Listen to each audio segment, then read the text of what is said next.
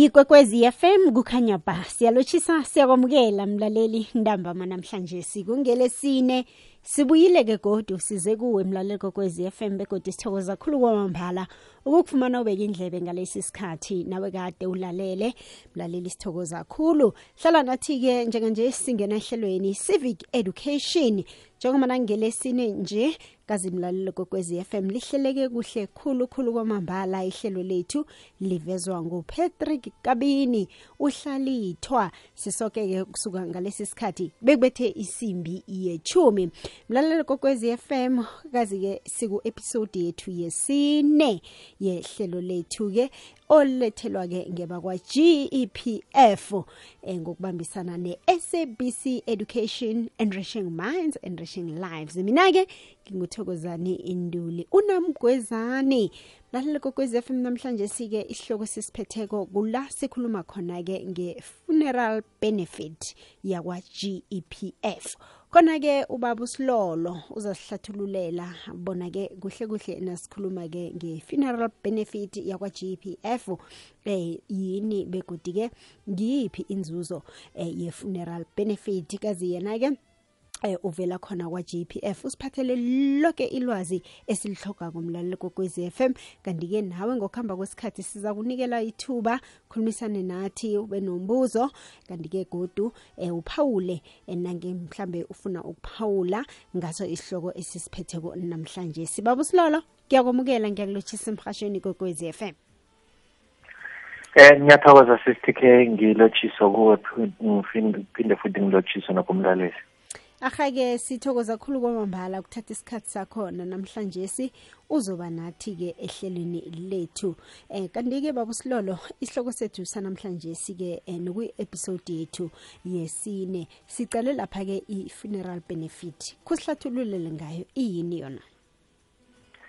Eh i-funeral benefit eh sister K yona le imasingcwabisana ngiyitsho kanjalo. iye.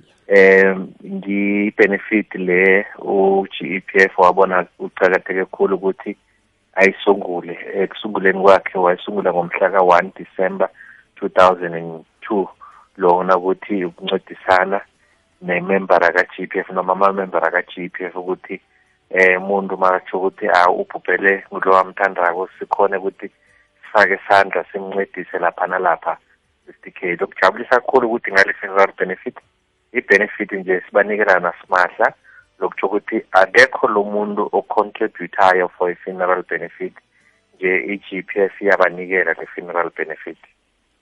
Iyazwakala imalini-ke imali yayo i-funeral benefit elungeni elibizwa nge-active member? Iya i-funeral benefit noma masingcwabisane sisitike masisi eh sungula eh le mali besibanikela yona bekungu 7500 kulabadala ngitsho ngithi mhlambe imembara nomlingani. Ncancabeze Eh, yebo eh ngitsho ngithi eh bekungu 7500 Mm. sinikela umlingani sinikela nemembara.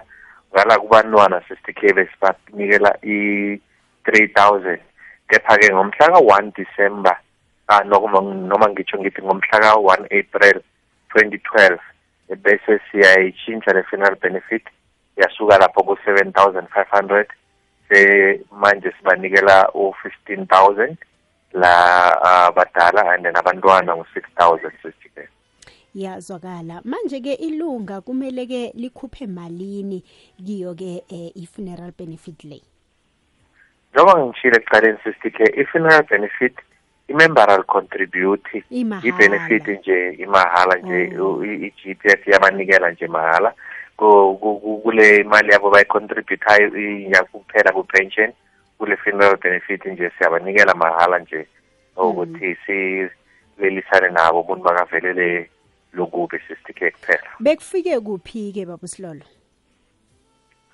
eh i-funeral benefit sisitike iba ngale ndlela ukuthi umuntu maka nomlingane achadile nabantwana sisitike labantu laba ba-covered kule funeral benefit ngulo mlingane ngilabantwana abantwana nabo ba-cover from age zero to eighteen. From ku-eighteen kuya ku-twenty-two ukuthi umntwana sesesikoleni usafunda. Ila ikhambe ifike khona i-funeral benefit yethu. Yazwakala kanti-ke ikambiso yokwenza-ke isibawo nanyana iclaim ikhamba njani-ke yona? Eh lana kufaka isibawo noma iclaim le-CPK mm. eh kuneliforomo esilibiza ngokuthi ku-Z300 lo Z300 ngiyo i-application form yaka-funeral benefit. Ngile ukuthi umuntu kumele agcwalise aphinde futhi agcwalisele elinye iforomu esilibiza ngokuthi i-Z894 ile lama-banking details 60k sizofuna ukuthi mhlawumbe ukuthi umuntu ubhubhele ngomlingane uzofaka i-ID yakhe afake naleya ka-debcis lo usabhubhile afake ne-death certificate.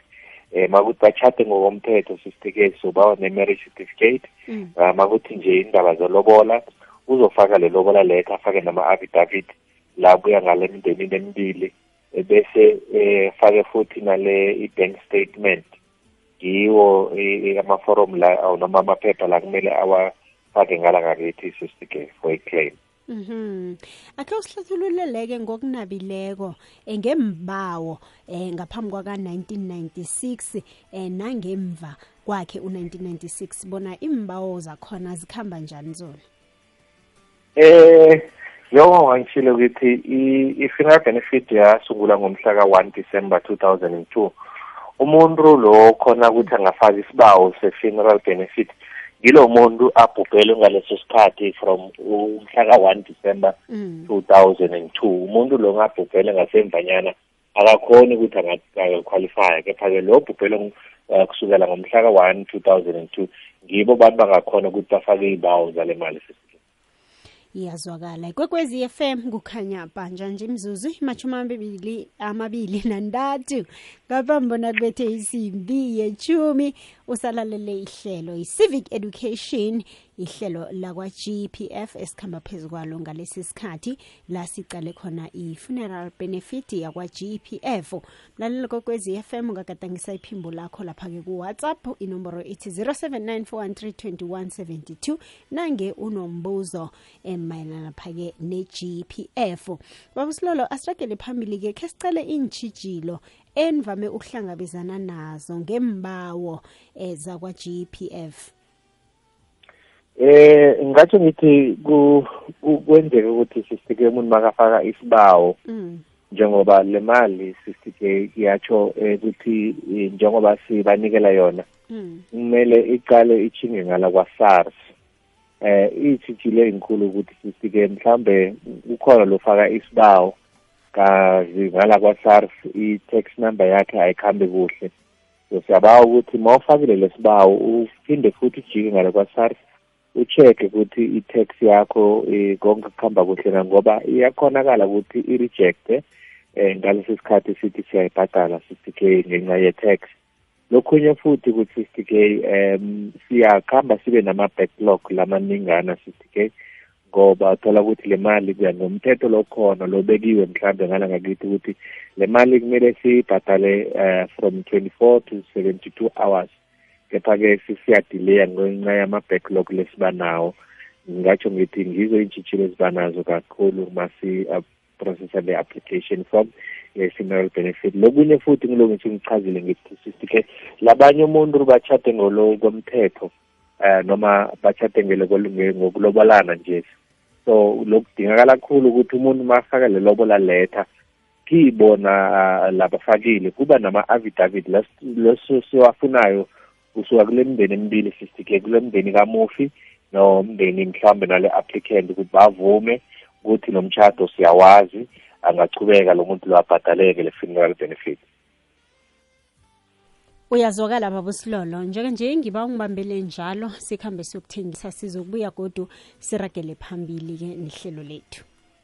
Alright Aha. ukufaka isibawo senzuzo yomhlalaphasi nanyana wazi umuntu ongakafaki ongazange athole imali yakhe begodu ofuna isizo ngekambiso yokwenza isibawo ufuna ilwazi elingeneleleko ngenzuzo yepentshini nokuthi usifaka bunjani isibawo uyatlhaga ukusebenzisa i-self-service application nanyana unetshisakalo yokuthola ilwazi elingeneleleko nge-gepf ungathwenyeki sinawe.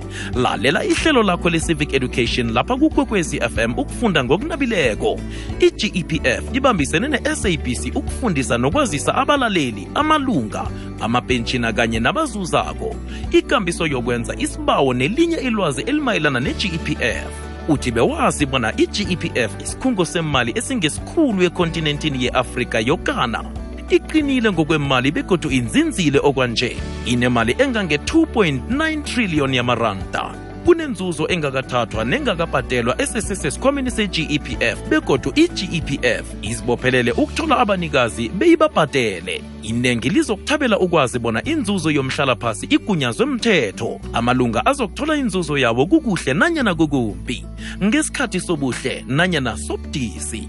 Lalela ihlelo le-civic education kukwekwezi fm qobe veke ngelesine ukusukela ngo-half past 9 ukufikela ngo-10 ukufunda ngokunabileko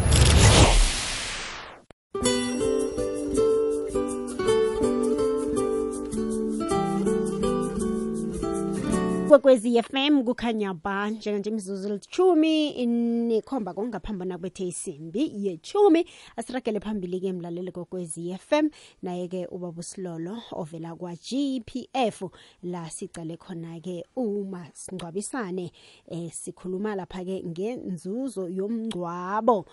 Funeral benefit ngiyo-ke eh, indaba esiphethe komlaleli ihlathululo yonke iza naye-ke ubaba usilolo. Siragele phambili njalo ubaba usilolo ngithokoze khulu kwamambala ukungibambela. Eh khe sicaleke vane sizwe-ke kukhulunywa lapha-ke nge-eligible child. Akhe usihlathululele bona-ke eh bantwana abanjani nanyana mntwana onjani loyo? Oh sithi-ke masikhuluma nge-eligible child sikhuluma ngokuthi ngala ku-funeral benefit umntwana simbiza ngokuthi al- eh, eligible child ngilonjani ngilokuthi umntwana eh ungu- u- u- u- from age yakhe ku-zero mhlawumbe ngayibeka kanjalo kufika ku-twenty two eh makuthi usese ku-twenty two usafunda usesengesikolweni sisike nguye lo mntwana simbiza ngokuthi i-eligible child lokusho ukuthi makuyenzeka ukuthi nomntwana ofana loyo makabhubhile bayakhona kumclaimela for le funeral benefit ngala ngasekhaya sisike iyazwakala. Kanti-ke godi haye sizwe kukhulunywa lapha-ke eh, nge-stillborn. Yona-ke ihluka ihluka njani? Eh ku- kule stillborn sikhuluma ngomntwana lo ukuthi uyabelethwa ah, thola ukuthi eh, ubelethwa nje ma- mara yena sekabhubhile. eh ngisho i-stillborn eh lokhu kumele kwenzeke ukuthi kunesikhathi lesi basibukayo ukuthi eh mhlawumbe umzali walo mntwana bekase neveke engakanani ukuthi makazobelethwa lo mntwana ah bese sayobelethwa abhubhile. Lokusho ukuthi ukubelethweni kwakhe lo mntwana noma sakabhubhile bekase umama sakamithe isikhathi lesingakanani. So kule stillborn ngala ngaku-gps babuka ukuthi eh i-thirty-eight weeks beyisendlulile na before ukuthi lo mntwana ngabelethwa seka abhubhile sokula babuka khona kule stillborn khona ukuthi makuthi i-thirty-eight weeks eh eh, eh, umzali wakhe bekasayihlanganisile eh, wena sithi ke makasayobelethwa noma sakabhubhile bayakhona ukuthi bamclaimele le funeral benefit Mhm. Kanti-ke kuthatha isikhathi esingangani ukuthi imali le ye-benefit ibhadelwe? Kuya ngo- ngomthetho lo GPF asawubekile ukuthi le mali kumele siyibhadale eh from 24 uh, hours to 72 hours. Lokusho ukuthi from 2 days esithole le claim kufika ku 5 days siyitholile le claim. Kepha-ke kuyakhonakala ukuthi i-claim sithi-ke ngaphinde i-delay engabhadaleke kuya ngalesikhathi esibeke nge-GPF ngoba utholakala ukuthi la kufake khona lama-application form kukhona lokuchodako noma mhlawumbe inkinga ingala ngakithi ukuthi nembereko noma sinama-application lamaningi la siwatholile sawaprocessa nje sithiwe isikhathi sokuthi singawabhadala phela Yazwakala. Njenje bengizoba ukuthi ke sizwe imibuzo evela ngaphansi ngaku WhatsApp ethunyelwe emlaleli wekokwezi FM.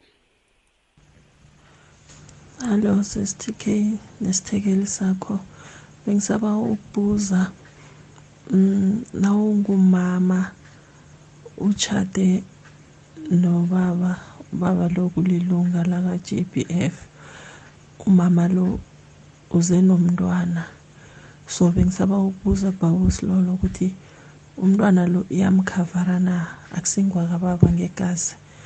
Ngize naye ngene naye emtshadweni. So bengiba ukubuza lapho. Ahake uzokela umbuzo wakho. Siyathokoza baba usilolo ya uh, futhi ke makuthi njengoba uma a- abuza lo mbuzo wakhe ukuthi makuthi nguma lofika nomntwana e- emtshadweni but ubaba nguye oyilunga laka GPF lo mntwana uzoqualify na? Eh kuya ngomthetho lo mntwana a60 k akaqualify ukuthi bangamclaimela funeral benefit. Kepha ke lokhu mhlawumbe ukuthi bangakwenza ababelethi ukuthi njengoba uma noma sebachadile ubaba makube nguye lo adopta lo mntwana biological ukuthi am am adopt ngisho ngokuthi hayi biological ngisho ngoba umthetho ukuthi makam adoptile angakhona ukuthi lo mntwana makasuthi siyahlongakala ubaba amclaimele le funeral benefit. Kile sibiza ngokuthi illegal adoption. Mm. ube nempampiri lezichazayo ukuthi no ubaba vele njengoba thathana noma bese u-adopte lo mntwana kamama Mhm. Kanti-ke eh, baba Silolo embuzweni wethu omunye sibuze ukuthi kuthatha isikhathi esingangani ukuthi i-benefit le ibhadalwe. Akhe sibuyekeze baba Silolo sicale ukuthi kuhle kuhle ngiziphi inhlabagelo ezifunekako eh kuyitholeni imali le ngoba ngikuzwe uthi esinye sentshijilo ukuthi ke uthole umuntu angakafaki imfuneko emayelana nayo ke i-benefit le. Mhlambe ke eh ungafaka ngaphakathi eh ama documents angezelelweko nangabe ke mhlambe ke ubhujelwe umntwana yebo sithi-ke makuthi umuntu ufake i-application Mm. ah la khona kubhubheke khona umntwana lokudingakalayo lo mntwana zokhuluma ngisho sikhulume vele ngalo i-stillborn lobethe ubelethwa sakabhubhile Mm. ukuthi lapho sithi-ke masicala lapho masogcwalisile le form le z-three hundred uphinde wagcwalisa le z-nine four ngiyingilo le-bank ufakile i-bank statement yakho ufakile i-ID yakho ufakile futhi ne, ne, ne no- notification of death. Ngile ngoba lama stillborn ababi ne death certificate baba ne notification of death. Kuyodingakala futhi ukuthi kube nencwadi levela kule doctor lo bekanguye bekabelethisa. Lo uconfirmile ukuthi eh uma bekasandlulile lesikhathi saka 38 weeks eh, asithwele ngiwo lama document la afunakalayo. Lokuqhakatheke khulu sisike ukuthi lama document masiwathola kumele ukuthi abe certified Mm. lama ID njengoba afakwe i-ID copy kumele ibe certified. Le notification of death kumele ukuthi nayo ibe certified. Nalincwadi lebuya kadokotela kumele ibe certified bese bayawafaka.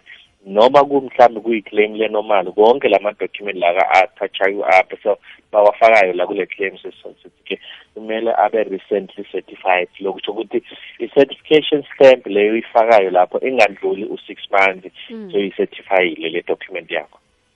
Yazwakala ngabe mhlambe ilunga lakwa GPF liyakhona bona lifake isibawo eh semali engaphezulu kwale ebekiweko? A- a- akukhonakali loko Mm. sisitike mm. imali vele njengoba ibekile sisitike sinikela wonke umuntu olunga laka GPF ngendlela lefanakho ke sicale ke indlela imali le ebhadalwa ngayo ama payment methods uyithola njani ke eh uyilunga lakwa GPF eh sisitike njengoba ngitshile ukuthi le mali kumele si- sibhadale ebank kepha-ke kuyenzeka ukuthi uthola ukuthi lo ofaka lesibawo sisike akanayo i-account mm. lapho kuleli forum kuyatsho ukuthi le mali singakhona ukuthi sithumele kwi-post office leseduzane nawe sisike Mm. kuzofunakala ukuthi ubhale igama lele post office lekhona la eseduzane nawe kepha-ke sikhuluma ngama-post office la ngawatsho ngithi ama-online post office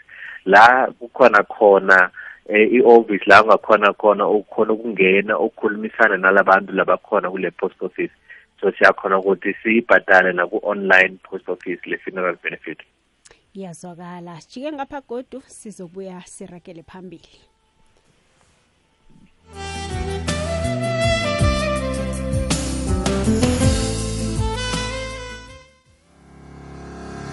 Ufuna ukwazi ngokunabileko nge-gepf begodu netshisakalo yokwazi ngcono ngenzuzo yesikhwama semali nekambiso yokwenza isibawo.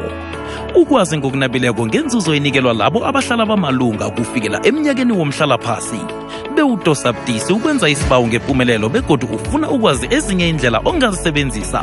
I-gepf ibambisene ne-sabc ukunilethela ilwazi elimayelana nenzuzo engakabhadelwa.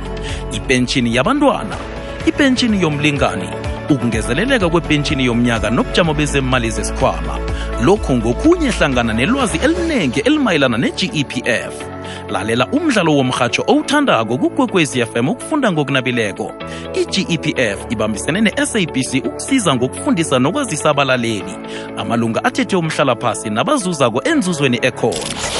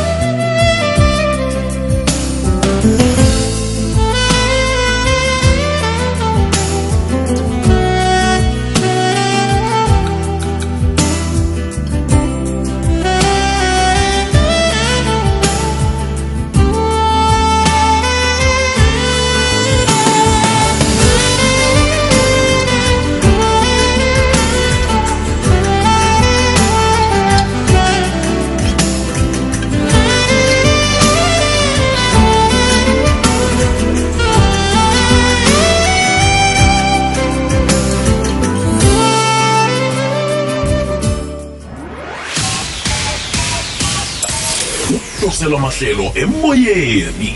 086 1120 459 ikwekwezi fm kukhanya. ba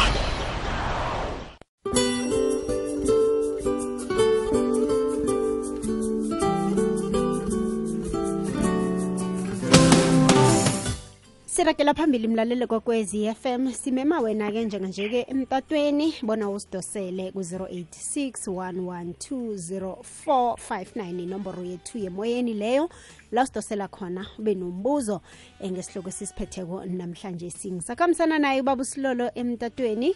La sicale khona ke i-funeral benefit inzuzo yakamasingqwabisana nanyana yomngcwabo welunga lakwa-gpf bona-ke eh, wona-ke uhleleke bunjani eh inzuzo leyo yona ihleleke bunjani? Ngikho-ke esikuphetheko umlaleli kokwezi FM njenganje. Baba silolo khe sicaleke bona lokha ilunga lakwa-GPF nangelingakafaki isibawo sokuhlongakalelwa kwenzakalani eh, ngayo-ke eh, inzuzo le? Ya futhi ke siyacabanga ukuthi njengoba sifundisa nangalama benefit i-GEPF inawo. Labantu labaningi vele aba- abakho aware ngalama benefit lamanye.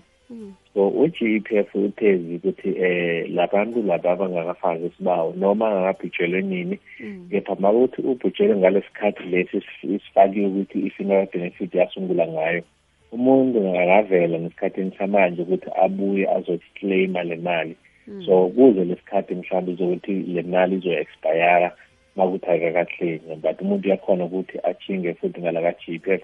Athi no mina bengekho aware mhlawumbe bengazi ngale claim sengisafuna claim uzothola ukuthi iyasizakala ayithole le mali sisike yazwakala sinomlaleli emtatweni khe simdobhe ikwekwezi siyakwamukela yeje yebo sami ngivukile sikhona kunjani baba?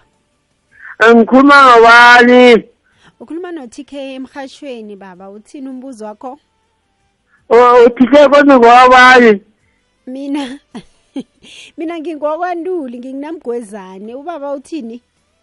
Iyazi mina ngimpheka kwantuli kwamota okay baba umbuzo wakho bowuthini a-e kade ngifuna sumavusa alright ya bekade basho uloshisa umavusana baba usilolo heyi nokho-ke ngiyathemba ukuthi kaza kubeka indlebe ngo-10 umavusana-ke um uzaba khona nakanjani mlaleli kokwezi f m. Bekubethe isi- isimbi yeshumi nambili ngaphakathi kwehlelo sizigedlile. Thina-ke siphethe indaba yakwa-g p f la sicale khona inzuzo yomngcwabo eh ehlelelwe ilunga laka-g p f. ubona-ke kungenjani. Baba silolo sele sizoyisonga-ke akhe sicaleke bona-ke intshitshilo enhlangabezana nazo eh nemiraro ehayi nirarulule yona ijame njani eh kwa-g p f? Yebo sisi-ke iy'ntshitshilo esiba nazo ukuthi abantu nje mabakleyima le-funeral benefit eh basuke bangalandeli mhlawumbe le migomo esibekile ukuthi siyabawa ukuthi umuntu makafaka iclaim yakhe acertify lama-document lawa awatho- awaphethe njengama-birth certificate. Sisiphi lo munye uthi hawu but le birth certificate musibuya inestembu salapha kwa-home affairs noma inestembu ngoba ufaka amakhophi. Siyabawa ukuthi uwacertify la makhophi. I-id yakho uyi-certify i-id kamufi uyi-certify noma ufake i-marriage certificate uphinde uyi-certify lapho sisike lo munye futhi ukuthi eh nalapha ebank lo munye nje uvula ibank ngaleso sikhathi sokuthi eh ufuna ukuclaima le funeral benefit. Ma uyivulile noma le bank yakho sisike eh yenza ukuthi isiqinisekiso sokuthi njengoba uyivulile kunemadlana lo uyifalayo uyifakayo kule bank yakho ukuthi ile bank ikhona kube active ngoba lo munye uyavula nje ibank kepha-ke ingabi active masisithi sibhadala le mali ebese le mali iyaphinde ibuyela ngala ngakithi sisike yizo iy'ntshitshilo eziba nazo ey'nkulu kakhulu. Le bank vele ngiyo lesihlupha kakhulu sisike ngoba njengoba uvule ibank nje babawa ukuthi no ngingafaka noma kuyi-fifty rand enyana ukuthi at least le bank yakho bayenze ibe active. ngoba bayakhona ukukuvulela ibhenki but ingabi active hmm. njengoba kuthi awufakanga lutho kule account yakhona sisike ahake baba silolo sithokoza kakhulu kwamambala njenge-g p f konje nitholakala kuphi? Yes bantu bangadosela umtato inomboro yomtato ithi 0800 117 669 ngiphinde futhi ithi 0800 117 669 baphindule futhi bangasibhalela ne-email. I-email yethu ithi inquiries at gepf co za inquiries at gepf co za. Siyatholakala lapho sisike ahake baba usilolo sithokoze khulu kwamambala ehlathululo yoke osiphe yona. Sahlangana godi ku-episode yethu yesihlanu ube nobusuku obuhle. Thokoze khulu sisike thokoza mina. Mlaleli kokwez f m khumbula-ke i-gpf inama-regional client service center um kizo zolithoba imfunda zala esola africa kanye-ke nama-satellite office alikhomba enzelwe indingo zakho mlaleli.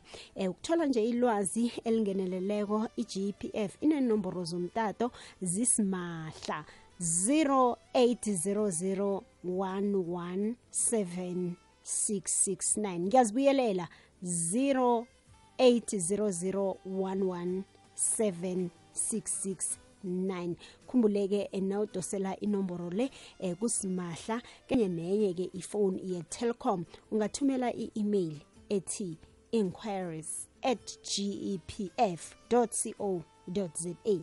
Nanyana uvakatshele i-gpf website ithi yona www